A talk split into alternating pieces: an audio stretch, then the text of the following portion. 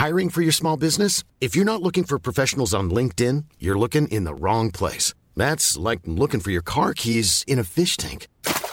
LinkedIn helps you hire professionals you can't find anywhere else, even those who aren't actively searching for a new job but might be open to the perfect role. In a given month, over 70% of LinkedIn users don't even visit other leading job sites. So start looking in the right place. With LinkedIn, you can hire professionals like a professional. Post your free job on linkedin.com slash people today.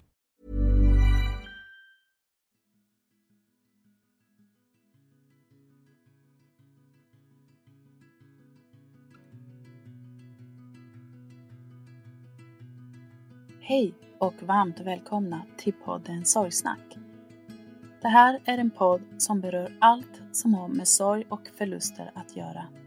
När livet inte blev som vi hade tänkt. När något oväntat händer och hela ens liv vänds upp och ner över en dag. Och när vi tvingas ta farväl av någon vi älskar. Min förhoppning är att genom podden bidra till att hjälpa andra människor, utbilda och sprida kunskap. Jag som gör podden heter Lia, är journalist i grunden och även certifierad handledare i sorgbearbetning. Idén till podden föddes ett år efter att jag förlorade mitt första barn. Det var början på mitt nya liv. Livet som nybliven mamma och samtidigt änglamamma.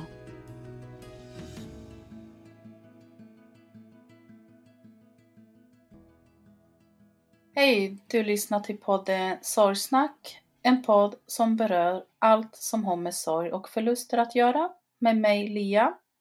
Och idag har jag med mig en person som jag fick nöjet att träffa under förra året när vi genomförde Sveriges första sorgkonferens. Ingrid, som var på plats, har förlorat sin man Rasmus och eh, blev änka vid 30 år. Hej och välkommen till podden Ingrid. Tack så jättemycket Lea. Tack för att du vill vara här. Skulle du kunna berätta vem Rasmus var, hur ni träffades? Ja, Rasmus, han, eh, vem han var? Han var en väldigt driven person med stort engagemang och fick man lära känna honom så var han även en väldigt varm och omtänksam person. Han älskar att diskutera och vara samhällsengagerad. Och egenföretagare. Eh, eller ja, först var han ju student men sen under vår tid ihop så, så startade han företag. Och det hade börjat gå rätt bra faktiskt. Så ja, han älskade livet och, eh, och hur vi träffades. Vi var som jag sa, han var ju samhällsengagerad och det var jag med. Vi var båda med i ett, eh, ett och samma politiskt parti och deras eh, ungdomsförbund och studentförbund och eh, träffades genom en konferens som ungdomsförbundet i Jönköping hade. Och så letade han reda efter mig för han tyckte att jag var så vacker och, och trevlig och engagerad. Så han letade efter mig mer eller mindre land och rike runt eh, efter att konferensen hade tagit slut. Han bodde då i Kalmar och jag bodde då i Trollhättan. Och efter mycket om och men så hittade han mig på Facebook. Och jag var på det här humöret att jag var trött på alla killar som egentligen inte var ute efter något seriöst utan snarare var ute efter one stands eller liknande. Och det var inte riktigt min grej. Men jag kände igen honom och insåg att jag ville ge honom en chans och tänkte ja men han var ju ändå vettig så så började det och sen efter att vi väl hade börjat prata eh, på sociala medier så tog det inte lång, lång tid förrän vi började prata på telefon och då pratade vi mer eller mindre dagligen. Eh, oftast två, tre timmar varje dag mer eller mindre. Och vi började pendla och åka till varandra mellan Trollhättan och Kalmar. Tog inte lång tid förrän jag flyttade ihop med honom. Och the rest is history liksom. Om vi nu då spolar eh, tiden framåt en del, ett par år, så har vi då både pluggat och jobbat och eh, blivit sambos, förlovat oss, gift oss och flyttat utomlands tillsammans. Oj, ni hann med mycket ändå. Ja. Eh, och så vi, vi flyttade utomlands september 2016. Mm. Och eh, det var då han, han liksom verkligen drog igång sitt företag. Eh, vi flyttade till Malta. Och eh, ja, jag hade jobb och han eh, hade börjat få bra fart på sitt företag som han jobbade hemifrån. Vad var det för slags företag? Det var content och translation, så han brukade hjälpa andra företag med att dels skriva texter för ja, men hemsidor eller tidningsartiklar eller blogginlägg och sådana grejer, men också att översätta det från ja, men, svenska till engelska, engelska till svenska eller engelska till norska och sådana grejer. Och sen så, ja. Eh, han hade haft svårt att sova i, i två nätter, ja egentligen en natt och sen kvällen innan så var jag lite såhär, inte spänd men lite småspänd så för nästa dag skulle jag upp tidigt och åka iväg med jobbet på första dagen av en två dagars första hjälpen-utbildning. Och taxin skulle hämta mig. Så jag var noga med att kom, gå tidigt i säng för att vara utvilad och kunna vara alert och pigg och fräsch på den här utbildningsdagen. Och, och mån om mitt jobb. Och så går han sen och lägger sig också kort efter mig. Men han har svårt att sova för andra natten i rad. Men jag är så inne i att ja, men jag, jag, behöver, jag behöver få sova så att jag är pigg och fräsch inför imorgon när jag ska jobba. Efter ett tag så går han upp. Eh, han har sovit lite grann i alla fall, men svårt att somna om så han ligger där och vrider och vänder på sig och försöker somna om. Men det går inte, så han går upp och sätter sig vid sin dator i, i nästa rum och jobbar. För han jobbar hemifrån. Och eh, när jag vaknar några timmar senare och det är dags för mig att gå upp så, så sitter han vid sin dator i, inne på sitt kontor och jag smyger mig upp och gör mig i ordning och äter min frukost och, jag håller på med min morgonrutin och liksom borstar mina tänder och mitt smink och sådär. Jag försöker smyga mig omkring för jag vill inte störa honom för jag ser att han har liksom kommit in i någon, ett jobbflow. Men jag vill ändå så att han ska veta om att jag har gått och inte bara helt plötsligt upptäcker att oj då, Ingrid är inte kvar här. Så säger jag liksom tyst till honom när jag ska gå att hej då, sådär liksom. I någon form av förhoppning att han ska höra det men utan att bli störd. Så jag åker iväg till, åker med taxin iväg till den här utbildningsdagen. Och sen vid lunchen så vill jag ändå ringa hem och liksom kolla läget med honom. Får inget svar men tänker ja, ja, han, han är kanske upptagen. Eh, sen på eftermiddagen när det är dags att åka, ja, strax innan taxin kommer och hämtar oss för att vi ska åka hem. Så ringer jag till honom igen för att säga att han kan börja med middagen. Så att den skulle vara klar när jag skulle komma hem sen 45 60 minuter senare. Men får fortfarande inget svar och får en konstig känsla men jag bara äh. Kanske var på toa eller inte ens telefonen eller något. Så jag skakar av mig känslan och taxin kommer och vi sätter oss i den och börjar åka och så ringer jag om en stund senare och tänker att han kanske kan svara då.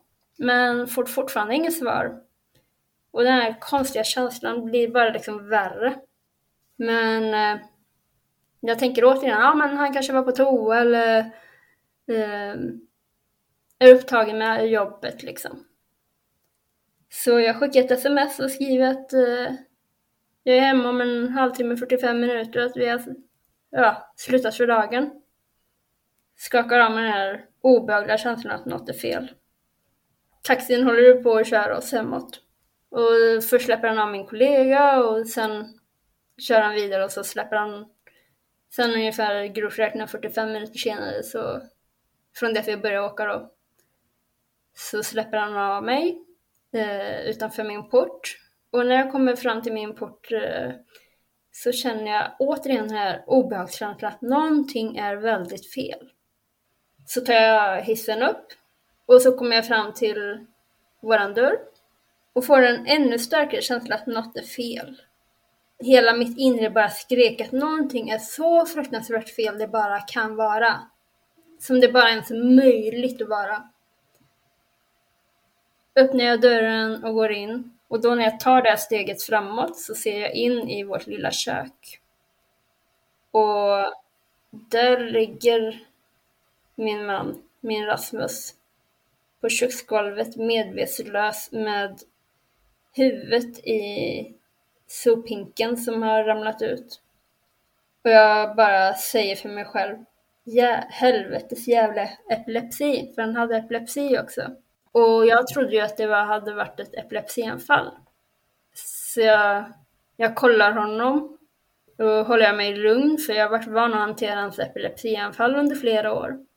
Eh, men så inser jag att jag vet ju inte hur länge han legat där och han hatar om man ringde efter ambulans för ambulanspersonalen vill ju alltid liksom få liv i honom och kolla så att han mår bra, liksom, bra under omständigheterna. Men han vill snarare få, vad ska man säga, sova ruset av sig och sen få vakna till i lugn och ro. Men jag bara tänkte, nej, han får bli hur irriterad han vill. Jag vet inte hur länge han legat här, det kan vara farligt. Så jag ringer efter ambulans. Och det var de 20 längsta minuterna i hela mitt liv. Det kändes som en evighet. Först så ser jag hur ambulansen håller på att åka förbi, men så jag håller på att kutar ut i trapphuset och försöker stoppa dem.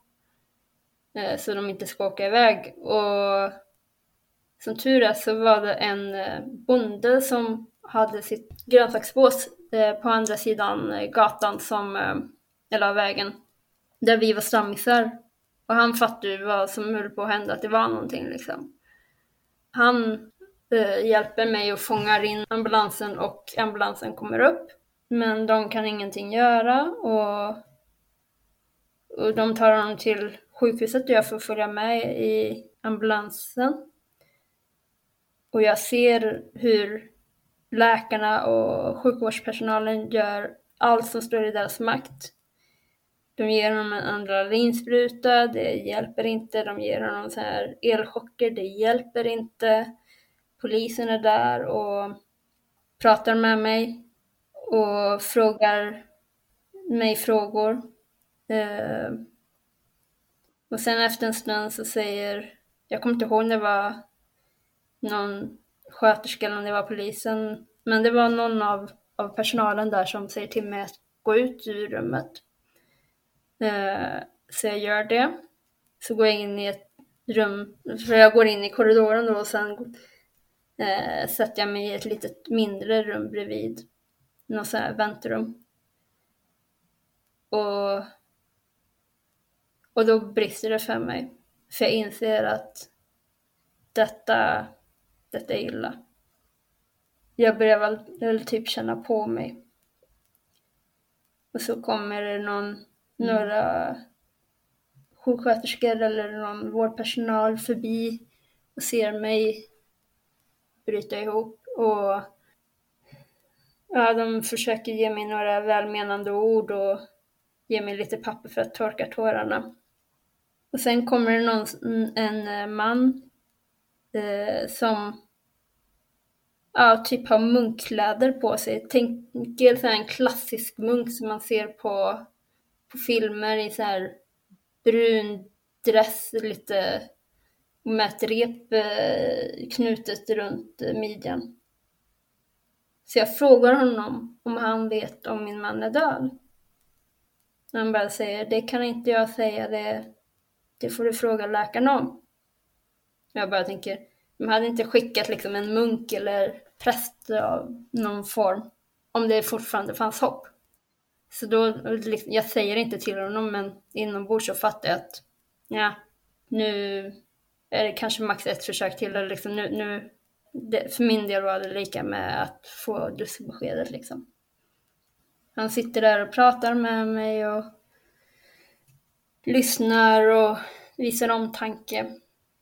Efter en stund så ytterligare så kommer en läkare ut och ger mig det definitiva dödsbeskedet och frågar mig om or organdonation.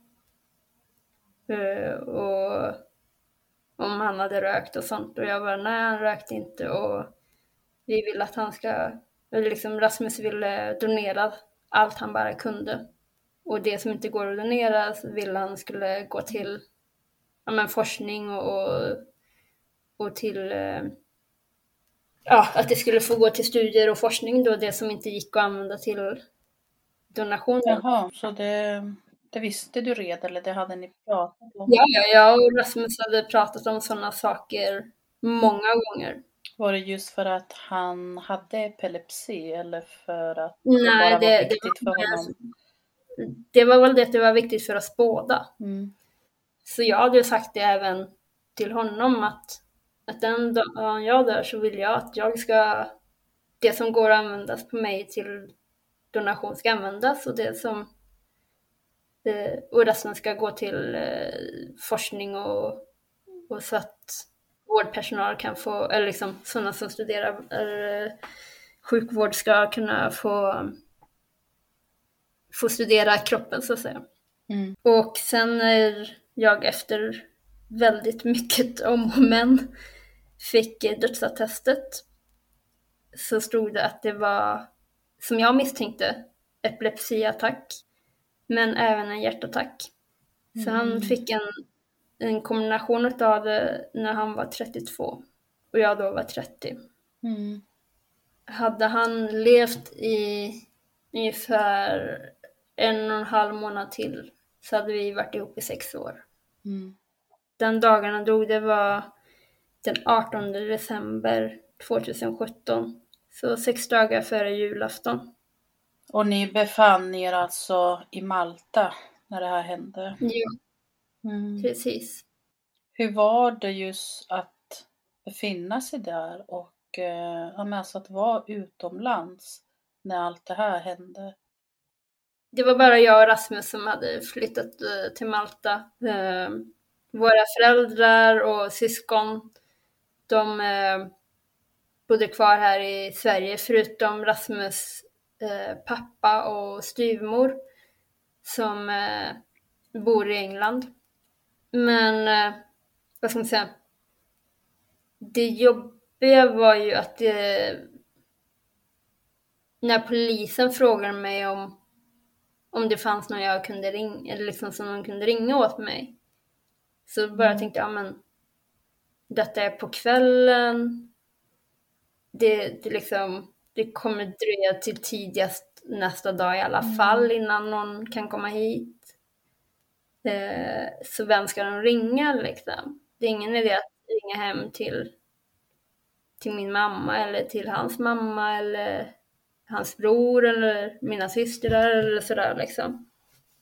Eh, och jag bara tänkte, vem har vi här? Vem har vi här som jag har numret till? Och så kom jag på min kollega som jag hade suttit med i taxin. Vi, vi hade börjat bli bra vänner. Så, Mm. och han hade jag numret till. Jag hade en del andra bra vänner men de hade jag såklart inte numret till. Så vård, de på sjukhuset får min telefon och ringer honom åt mig. Och han kommer dit och medan han var på väg dit så hade han även ringt våra chefer eh, på jobbet och meddelat så att jag skulle slippa göra det. Så när han kommer dit så brister jag ut och bara skriker typ ut hans namn, bara säger Luca! För han, han, var itali- han är italienare och heter Luca. Sen kom hon som jobbar på HR-avdelningen, Nadine. Eh, och även eh, Head of Operation som var VDns högra hand och VDn, vår Office Manager och vår Event Manager kommer. Hela detta gänget eh, håller då på och hjälper mig och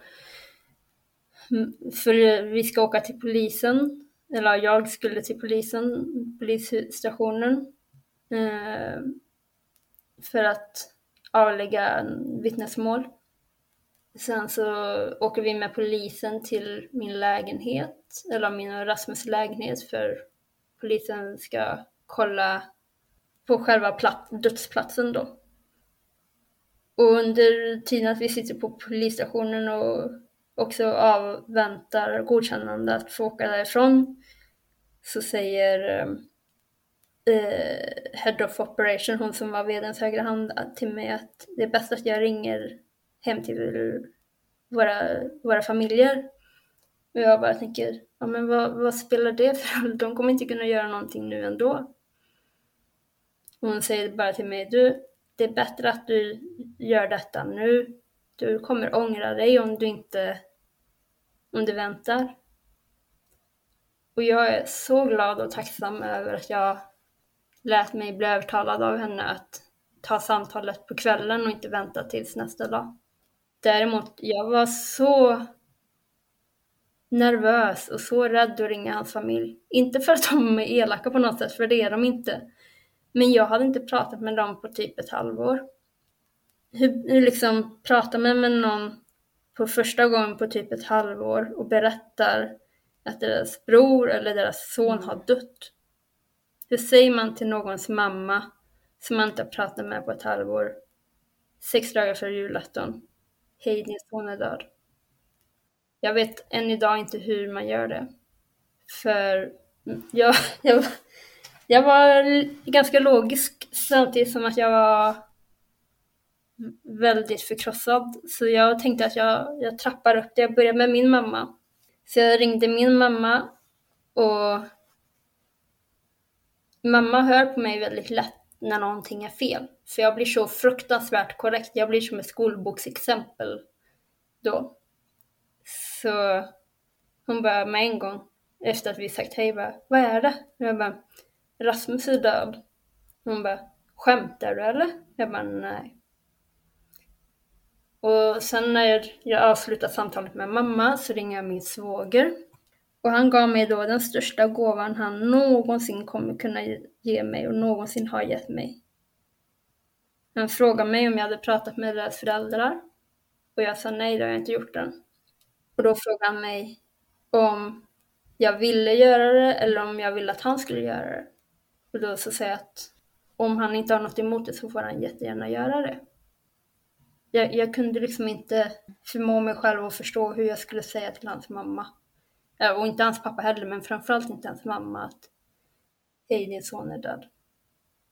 Och så jag är så oerhört tacksam till, till min svåger att, att jag slapp ta det samtalet.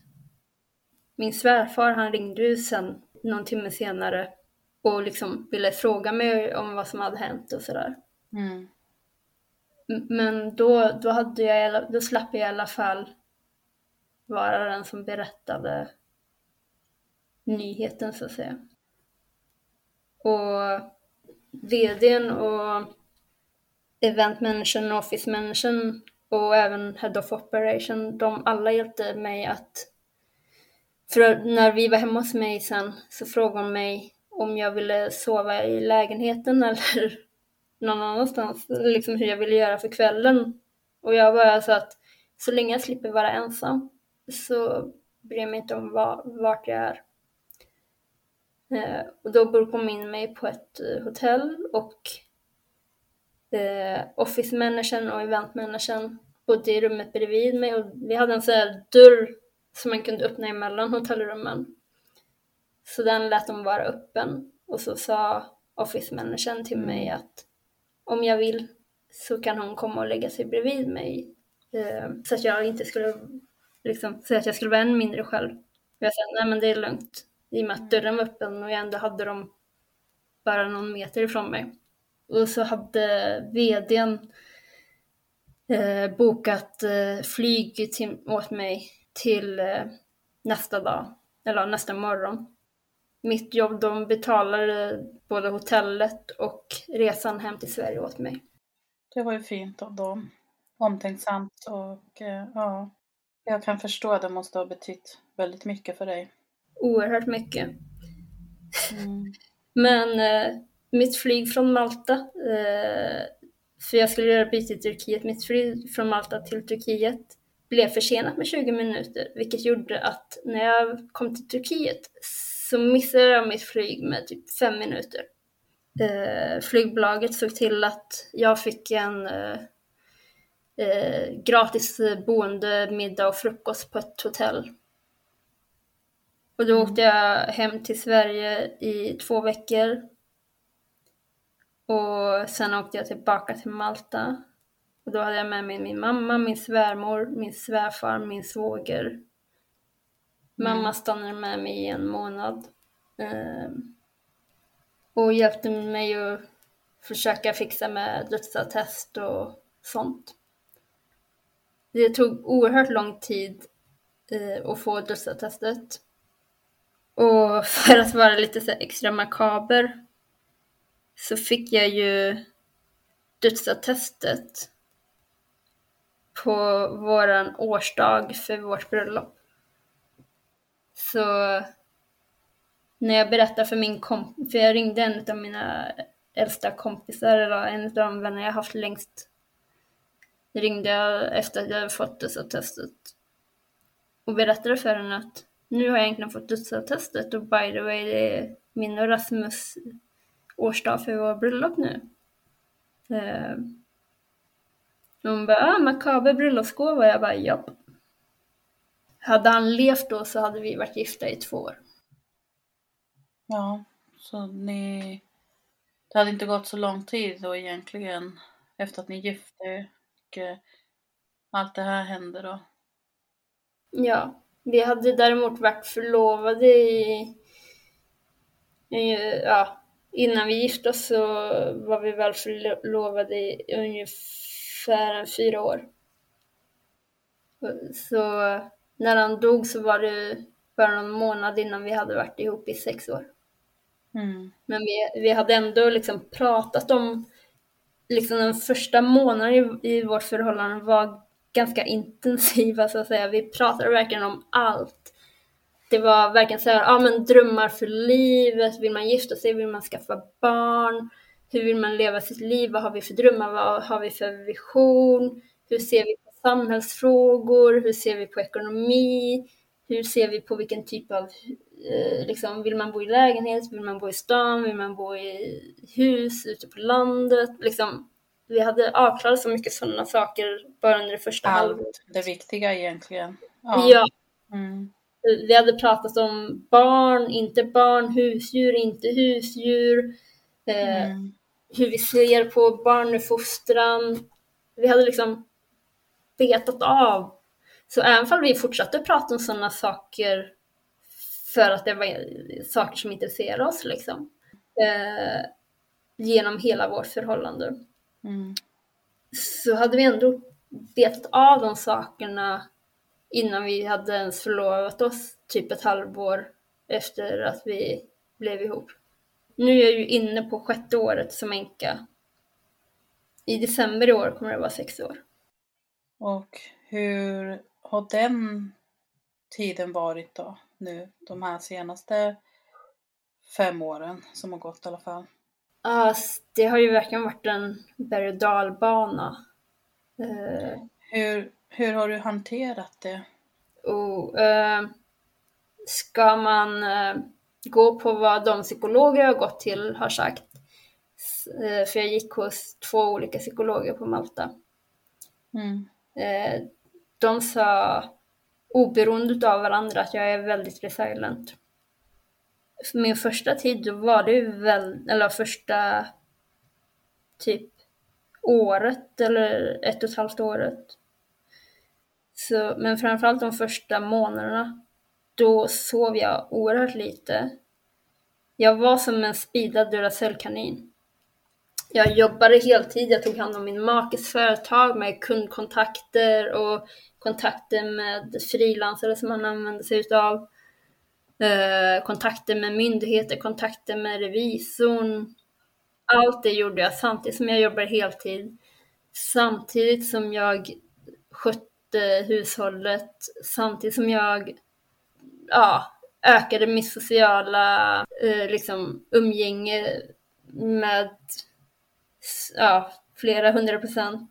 Eh, men jag började också dricka väldigt mycket mer alkohol än vad jag brukar göra. Alltså inte mycket för att vara svensk, men oerhört mycket för att vara mig. Det var inte för att jag kände åh, jag måste dricka alkohol. Eh, så jag blev ju inte liksom alkoholist i den bemärkelsen. Utan jag var ju snarare risk, extremt riskbeteende. För det kunde vara som så att ja, men jag hade redan öppnat en flaska på lördagen. Och så känner man sen bara, nej men vadå, det, det är ju en halv flaska kvar, det är ju dumt att slänga. Så jag kunde liksom rationalisera att jag, ja men jag tar lite i maten och så tar jag ett halvt glas till middagen. Visst, jag ska jobba imorgon men lite mindre än ett glas, det, det fixar jag ju, det är inga problem. Jag kör ju ändå inte bil så det är lugnt. Och sådana saker.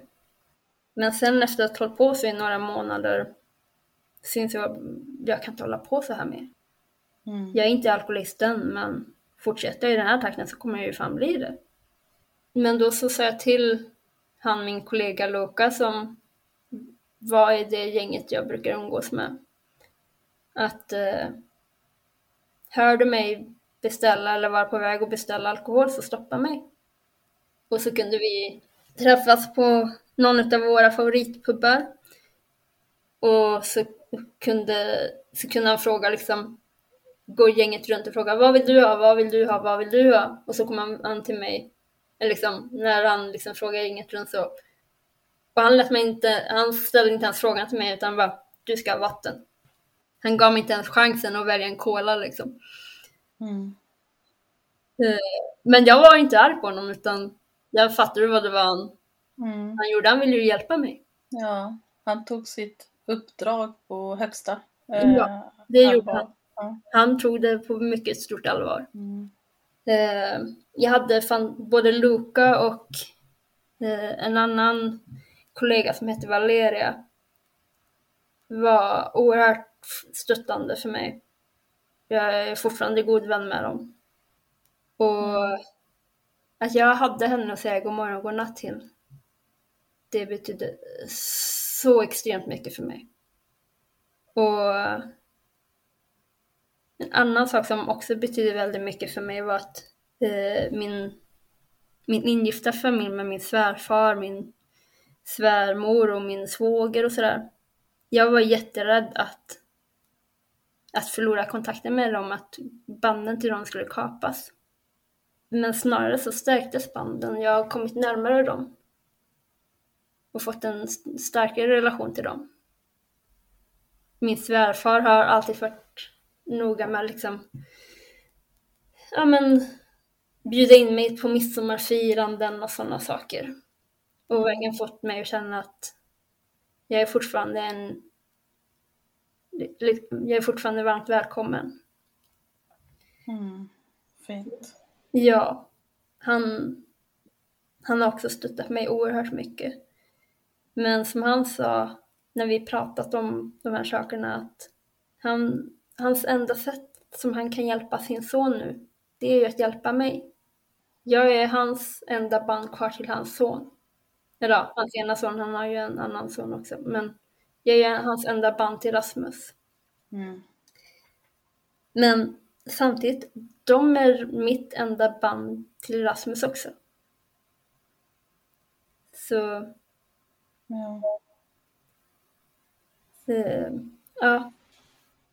På något sätt så kanske det ändå känns fint att ha varandra. Ja, mm. det gör det. Och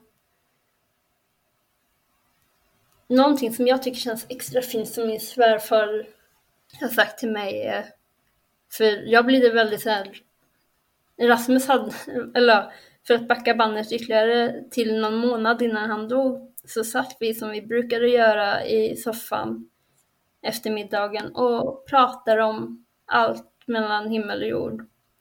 Och det ena samtalet ledde in till det andra. Och så säger han att han vill att, eller med tanke på hans epilepsi så är sannolikheten stor att han kommer dö före mig.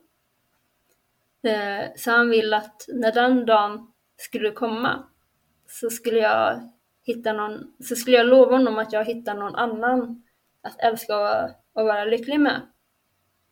Och jag var så, jag kunde inte ens föreställa mig att älska någon annan för jag var ju i ett förhållande med honom. Mm. Och var helt inne i att, ja men vi två, vi kommer bli gamla ihop liksom.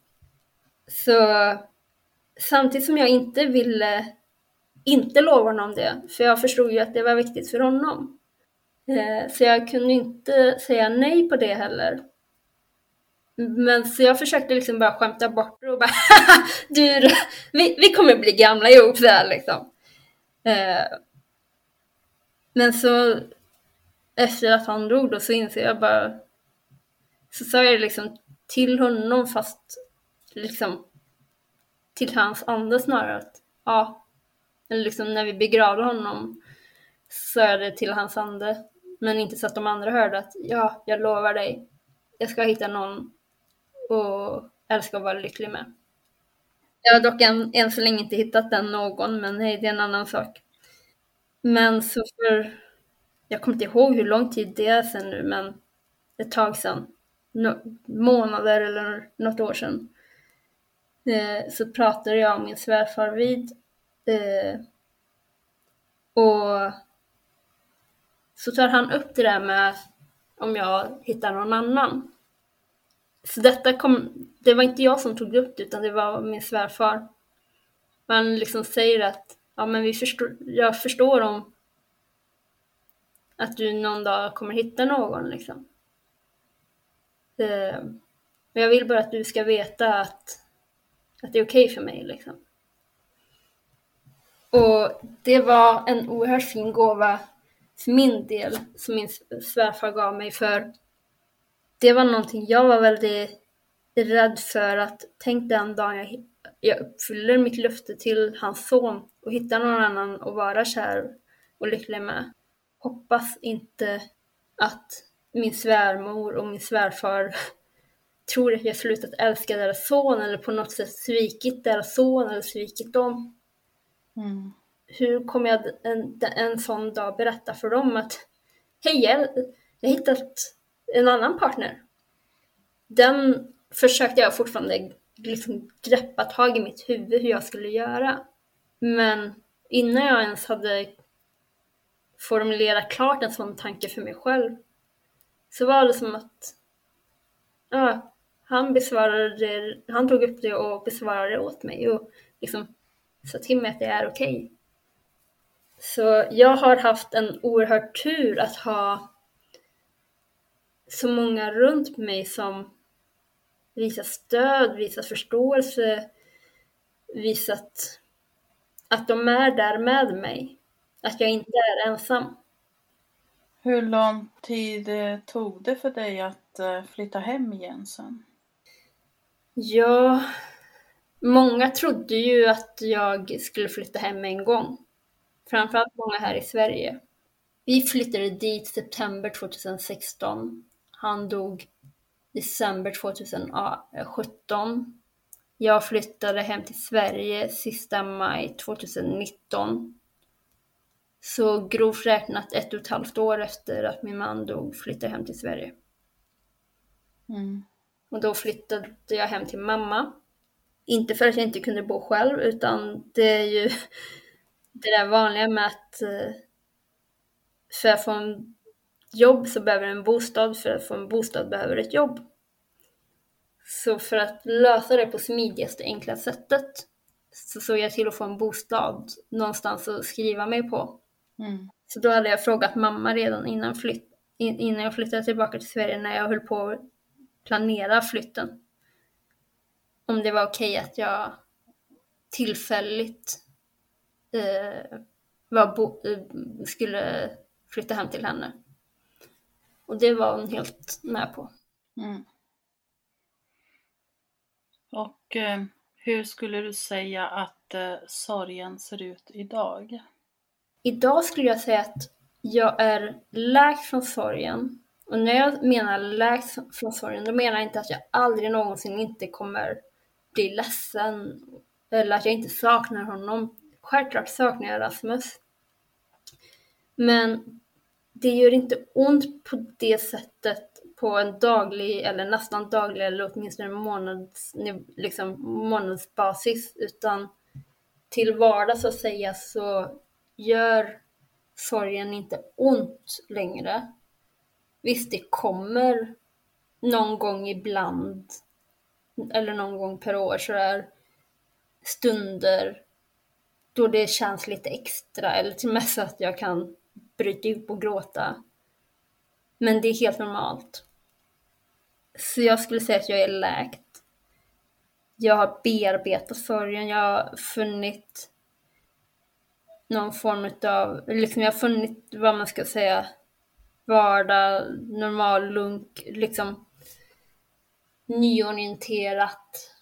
Ja. Men jag också, genom min makes död så har jag också funnit ett nytt mission i mitt liv och det är att hjälpa så många andra sörjande som jag bara kan. Men också att hjälpa arbetsgivare att bättre hantera situationer när medarbetare är i sorg. För det var någonting jag märkte och någonting jag förstått att det är jättemånga, både människor överlag men även arbetsgivare som inte har en aning om hur man ska hantera en situation när en vän, en kollega eller anställd hamnar i sorg. Och det blir då en liksom dubbelt jobbig situation. Dels för den som är vännen eller arbetsgivaren för att den känner sig konstig. Men det känner även den i sorg av att, att uh, omgivningen inte vet hur de ska hantera det. Mm. Så att jobba med dessa frågorna har blivit mitt mission. Ja men som det du beskrev, det tyckte jag var otroligt fint. Just det här att eh, den här chefen som du hade då mm. eh, tillät dig att, eh, ja, att vara ledsen på jobbet och mm. få utlopp för dina känslor och verkligen eh, lyssnade, bekräftade mm. och eh, hans prioritering där, alltså fokus var ju på att få dig att må bra som du själv sa. Och det tycker mm. jag är helt fantastiskt för att det är ju det som oftast behövs och det är egentligen kanske inte så mycket, man behöver inte kanske sitta och prata i en timme men bara just så här men att man känner att här till jag tilläts vara precis som jag behövde vara i den situationen och att man blir sedd och hörd och bekräftad. Eh, ja, Precis som, som du blev. Och det, det hade kanske också för någon annan räckt med, ja, med tio minuter eller en kvart ja. eller vad som helst. Men just det här att, att man blir tagen på allvar, att man blir bemött på det sättet. Det är så otroligt eh, värdefullt. Och en sån liten grej kan verkligen betyda så mycket och ge en ja. så mycket som inte behöver alls kosta alltså mycket tid eller ja.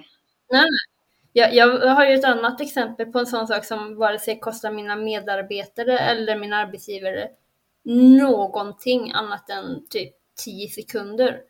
Eh, för jag hade min lunchrast och jag vet att i vanliga fall så hade vi liksom så här, som regel att man äter maten i i mat, liksom matsalen eller i kafeteriet liksom, där vi hade matbordet och det. Mm. Och att man jobbar vid, vid eh, kontorsborden, eller vid kontorsplatserna. Men så hade jag eh, under min sorg där ena lite återfallit till mina ätstörningsproblem som jag hade när jag var tonåring. Och Men jag hade ju mina knep för att hantera det så att jag inte skulle falla tillbaka 100%. Och ett utav de knepen var att se till att ha människor runt mig när jag äter. Att inte sitta ensam liksom. Mm. Men så hade ingen av mina eh, kollegor lunchrast just då. Så jag frågade dem om det var okej att jag satt på min kontorsplats och hade mina kollegor bredvid mig. Även om de jobbade, det gjorde mig ingenting. Jag ville bara ha dem fysiskt nära mig liksom. Mm. Och alla bara, självklart får du det för guds skull ungefär. Mm. Och framförallt då när jag förklarade varför. Jag Bara, Ingrid, du behöver inte ens fråga liksom. Mm. Eh, och det gjorde att jag hade enklare att, att äta min mat och därmed få i mig energin och näringen jag behövde för att både läka men också att orka med att göra jobbet. Mm. Eh, och en måltid mindre att kämpa mot ätstörningarna och vinna mot dem. Eh, och det var en sån, ett sånt stöd som det kostade ingen någonting men det gav mig så oerhört mycket. Så jag känner mig väldigt välsignad över allt stöd jag har fått från så många människor. Mm. Eh, men jag har också insett att alla har inte den turen som jag hade och jag har också stött på människor som efter ett tag var lite grann så jag bara, ja ah, men hallå det har gått ett halvår nu, fan ryck upp dig. De människorna har jag ingen kontakt med idag. Jag bröt kontakten med dem av den anledningen att de blev bara respektlösa och liksom bara, men hallå, det har gått ett halvår nu, fan, det, det är bara att rycka upp dig nu liksom. Men när man är i sorg, det är inte bara att rycka upp sig. Man måste jobba hårt för att läka sorgen. Men det är inte bara Nej. att göra det. Nej, det funkar inte så. Och samtidigt, sådana människor tar mer energi än vad de ger. Ja, Och eh, det är ju det sista man behöver. Där och då. jo men Eh, visst, absolut, man ska jobba för att läka. Mm. För tiden läker inte såren, det är vad du gör med tiden som läker såren. Mm, precis. Och nej, man ska omge sig av eh, enbart människor som tillför någonting positivt till ens liv. Och eh, inte negativt eller inte sådana som bara tar energi ifrån en. Ja, Det är helt onödigt. Det behövs inte. nej. Det gör bara mer skada än nytta. Mm. Precis. Också en sån sak som bara typ en två, tre veckor efter att min man dog som blev mitt nya mission för mig innan jag hade kommit till liksom kommit till insikt med att jag, mitt mission är att att jobba med sorg för att stötta andra. Så var det också att eh, jag ska inte bara överleva, jag ska leva. Och jag ska leva fullt ut. Mm. Det, det var liksom... Det blev superviktigt för mig, för jag vet att Rasmus var en mer... Jag var ju en lenasklar människa redan innan jag träffade Rasmus, men han var ännu mer än vad jag var, så här att man ska ta tillvara på livet. Mm. Eh, och Ja, jag... jag känner igen det här, just den här känslan att eh, den personen man har förlorat, som man älskar så himla mycket, inte fick chansen att leva fullt ut. Mm, Då blir det ju, precis som du säger, ännu viktigare att man faktiskt vill ta vara på, på livet och göra det bästa av det ja, så gott det går. Lite för att hedra också den man har förlorat såklart. Eh, Men också för att man för att inser man- ju hur, ja, men hur värdefullt och hur eh, egentligen hur allting kan förändras från ena stunden till den andra. ja. Jag, jag liksom... Det är en sak att veta att, att livet är skört. Det är en sak att veta att eh, man aldrig vet om man, man kommer leva om en vecka. Eh, för att man kan vara med om en bilolycka eller någonting. Mm. Men det är en annan sak på djupet känna det, på djupet inse det och komma så nära döden så att man kan ta på den utan att Mm. själv vara döende. Eller Mm. att själv vara döende och man klarar sig genom det. Ja, precis. Komma i den närheten till döden. Eller bara vara allmänt medveten om människans dödlighet. Mm. Det är liksom på två olika nivåer. Mm. Och Ja, absolut. genom min makes död så kom jag till insikt och kontakt med det på djupet. Och jag blev bara... Jag, jag trodde jag hade varit liksom varit levande tidigare. Jag trodde att jag hade varit liksom tagit fara på livet. Men inte på det sättet som jag gjorde efter hans död. Då, framförallt under det första halvåret men även senare, så spenderade jag så mycket av min tid som möjligt med att ta tillvara på livet. Mm. Jag kom på att jag, vi har inte pratat om det, men eh, du nämnde det bara lite snabbt. Men eh, hur Mm. var hans begravning? Kan du berätta lite om själva begravningen, hur det gick Ja. till och så? Eh, vi bestämde oss att ha den på Malta. För det var dit vi hade flyttat. Och, eller jag och hans... Eh, jag och min svärfar, min svåger och min svärmor eh, bestämde att vi skulle ha den på Malta för det var dit vi hade flyttat och, och liksom bestämt oss för att leva vårt liv där. Samtidigt som Rasmus älskade Malta och han älskade, han hade börjat älska havet lika mycket som jag gjorde. För han gillade hav och vatten tidigare men inte på samma sätt som, som jag gjort. Eller gör rättare sagt. Men så hade han också börjat göra det. Eh, så då hade vi genom den begravningsbyrån vi anlitat bokat en båt. Och i och med att de inte har något krematorium på Malta så fick vi välja alternativet att antingen så skulle han åka till Sicilien eller till Danmark för att kremeras. Och dels för att Sicilien var närmare Malta och det liksom skulle kännas trevligt att ha honom, att det skulle ske ändå nära, samt att jag och Rasmus hade pratat om att åka till semester till Italien. Eh, så tänkte jag att ja, men då, får, då liksom sa jag önskemålet att jag ville att han skulle kremeras på Sicilien. Så han kremerades på Sicilien och sen fick åka tillbaka till Malta. Och sen tog vi då båten åkte ju till ett speciellt utvalt ställe. Eh, för de har vissa områden som man får sprida ut askan. Man måste ansöka om det tidigt innan, innan begravningen. Eh, så då åkte vi dit ut och det var jätteblåsigt den dagen så några kände av sjösjukan. Eh, och så stannade vi till där på den här platsen. Och jag läste upp en dikt som jag hade skrivit ihop genom att skriva ihop mina och hans bröllopstal till varandra. Ehm, och så spelade vi musik som vi hade valt. Och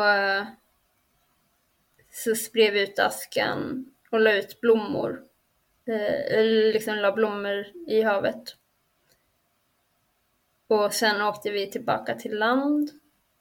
Ehm, och jag hade blivit, och mina systrar, men framförallt jag, hade blivit bl eh, väldigt blöt. Eh, jag hade liksom, i och med vågorna hade skvalpat upp, så hade jag fått väldigt mycket havsvatten på min klänning.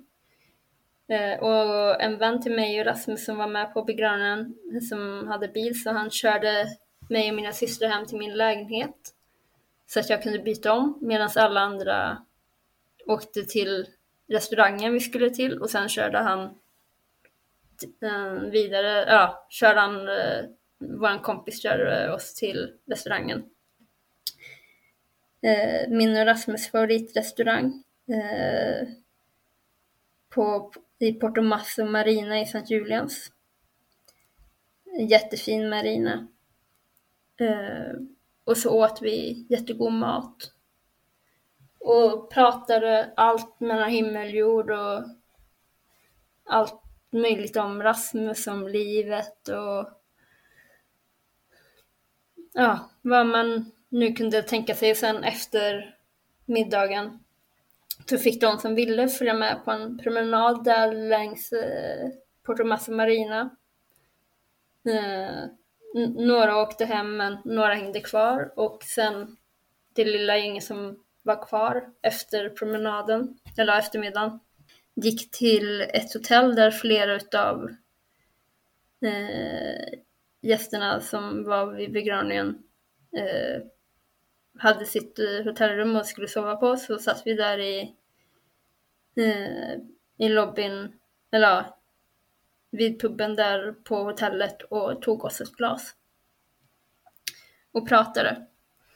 Eh, och de gäster som var, det var ju jag då, mina två systrar, min mamma, eh, min svärfar och hans, eh, eh hans fru, min svär, eh, svärmor och, han, och hennes man. Och, eh, så min svåger han var med i alla fall. Min eh, man, alltså Rasmus eh, bästa vän och även en nära vän till mig hade han blivit. Samt eh, två andra vänner som vi hade, hade fått på, under vår tid på Malta. Sen hade vi även bjudit in eh, eh, Rasmus eh, revisor, alltså företagets revisor. Men eh, då han har, eh, eh ja, är väldigt, eh, blir väldigt lätt åksjuk på havet, eh, eller har lite svårt med vågor och sånt.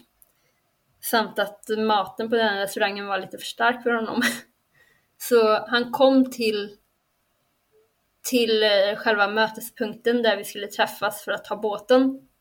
Men han vinkade av oss också när vi åkte iväg med båten, så han kom dit för att vinka av oss. Mm. Vilket jag tyckte var väldigt fint. Ja, det var ju fint av honom. Även om man inte kunde åka med för att han blev sjösjuk så gjorde han så, så mm. mycket han kunde. Saknar du Malta? Alltså saknar du... Men självklart förstår jag ju att du saknade livet du hade där och så, men eh, att det blir en omställning att eh, komma tillbaka sen och börja på nytt. Men hade du, hade du ändå önskat att det kanske hade funnits möjlighet för dig att bo kvar där eller är du ändå trots allt nöjd med det beslutet att flytta hem igen? Alltså när jag flyttade hem då visste jag inte om jag skulle flytta hem för en sommar och en termin och bara ta min kandidatexamen och sen flytta tillbaka till Malta igen. Mm. Eller om jag skulle stanna på en längre tid men kanske säg bara något år. Eh, eller om jag skulle stanna på obestämd tid. Det var väldigt löst, extremt löst. Eh, mm. Och så, och jag kände att jag var inte ens redo på att ta det beslutet då. Utan det är ett beslut som har mognat fram under tiden att ja, men jag har kommit hem till Sverige. Mm. Och ja, jag saknar Malta. Och Malta kommer alltid ha en speciell plats i mitt hjärta. Där jag bodde stora delar av min tid så hade jag ju turen att få kunna gå längs havet när jag gick till jobbet. Och började jag då eh, tidiga morgonpasset på jobbet, då fick jag ju se soluppgången över havet när jag gick till jobbet. Och den biten saknar jag. Men kärleken till att vara nära min familj och till allting jag har börjat bygga upp här nu är större. Mm. Och jag ångrar inte att jag flyttade hem igen. Ja, nu har vi pratat ganska länge faktiskt. Tiden bara gått, men det har känts så otroligt bara naturligt och fint att få prata med dig. Mm, tack.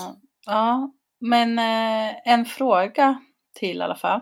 Ja, men självklart. Jag tänker, finns det något speciellt som du vill skicka med till våra lyssnare? Ja, det, det gör det. Eh, det ena är ta tillvara på livet, ta tillvara på varandra. För man vet aldrig när livet tar slut. Så njut av det. Och eh, sen också, älskar du någon, säg det till dem. Skjut inte liksom, vänt, säg inte bara, ja ah, men det kan jag säga sen eller jag kan, göra, jag kan berätta för dem sen när jag kan berätta för dem imorgon, utan nej. Berätta så fort du kan. Så fort det ens är möjligt. Och är du i sorg, respektera dig själv, acceptera dig själv för det. Och säger någon till dig att äh, ryck upp dig. Så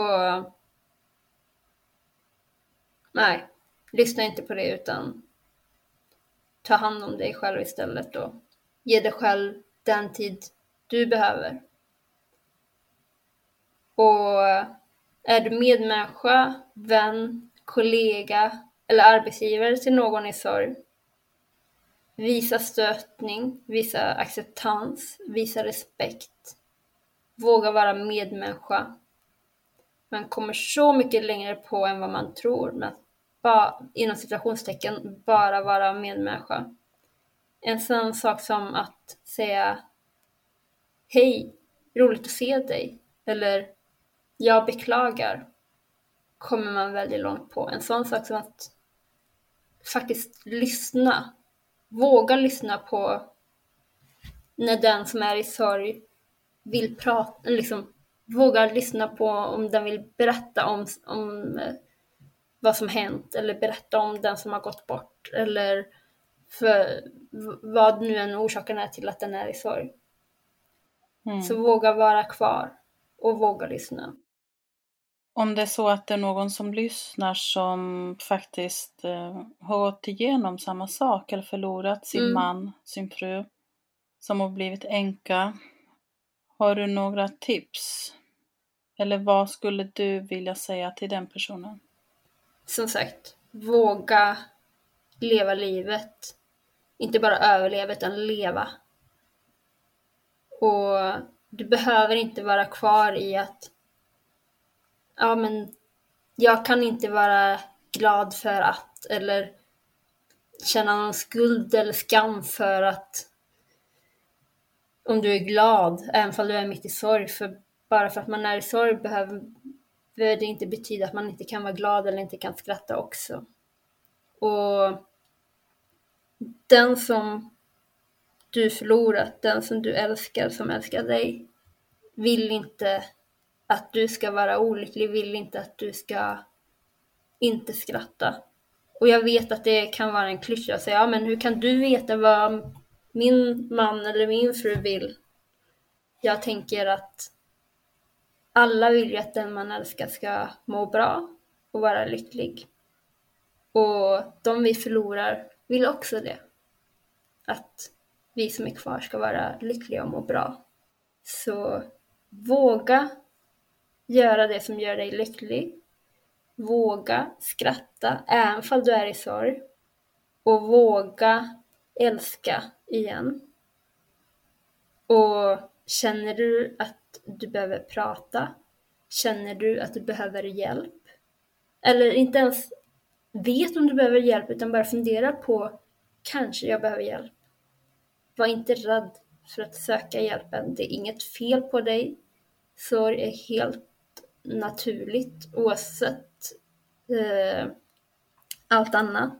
Och det är inte på något sätt konstigt att gå till en psykolog eller gå till någon som är utbildad inom sorgbearbetning. Det är bara fullt mänskligt att söka sig till andra för att få stöd. Det var väldigt fint sagt. Och jag, jag håller med. Exakt allting som du nämnde här också. Det är otroligt viktigt, ja. Våga ta hjälp och prata Men om det. framförallt, sikta på att leva, inte bara överleva. Och med de orden så vill jag tacka dig så jättemycket för att du ville vara med här i Sorgsnack och eh, berätta om det du har gått igenom. Din och Rasmus historia ska jag säga. Det var väldigt fint att eh, få höra om er två. Tack för att du ville höra och få din, ge dina lyssnare chansen att, att få lyssna. Tack så jättemycket Ingrid och eh, stort tack till er också som har lyssnat ännu en gång, ännu ett avsnitt. Ni gör stor skillnad genom att eh, bidra till att eh, sprida podden, sprida kunskap och att ni också delar med er. Och har du en historia som du vill berätta om? Mejla till eh, eh eller kontakta mig via sociala medier. Och eh, Sorgsnack hittar ni både på Facebook och eh, Instagram under namnet Sorgsnack.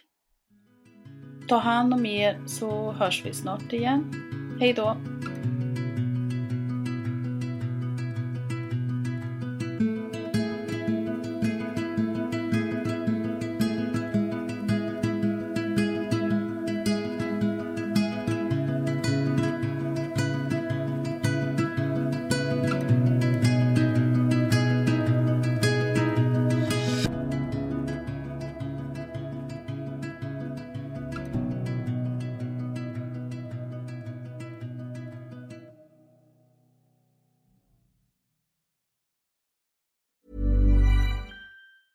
Planning for your next trip? Elevate your travel style with Quince. Quince has all the jet setting essentials you'll want for your next getaway, like European linen, premium luggage options, buttery soft Italian leather bags, and so much more. And it's all priced at 50 to 80% less than similar brands. Plus, Quince only works with factories that use safe and ethical manufacturing practices. Pack your bags with high-quality essentials you'll be wearing for vacations to come with Quince. Go to quince.com slash trip for free shipping and 365-day returns.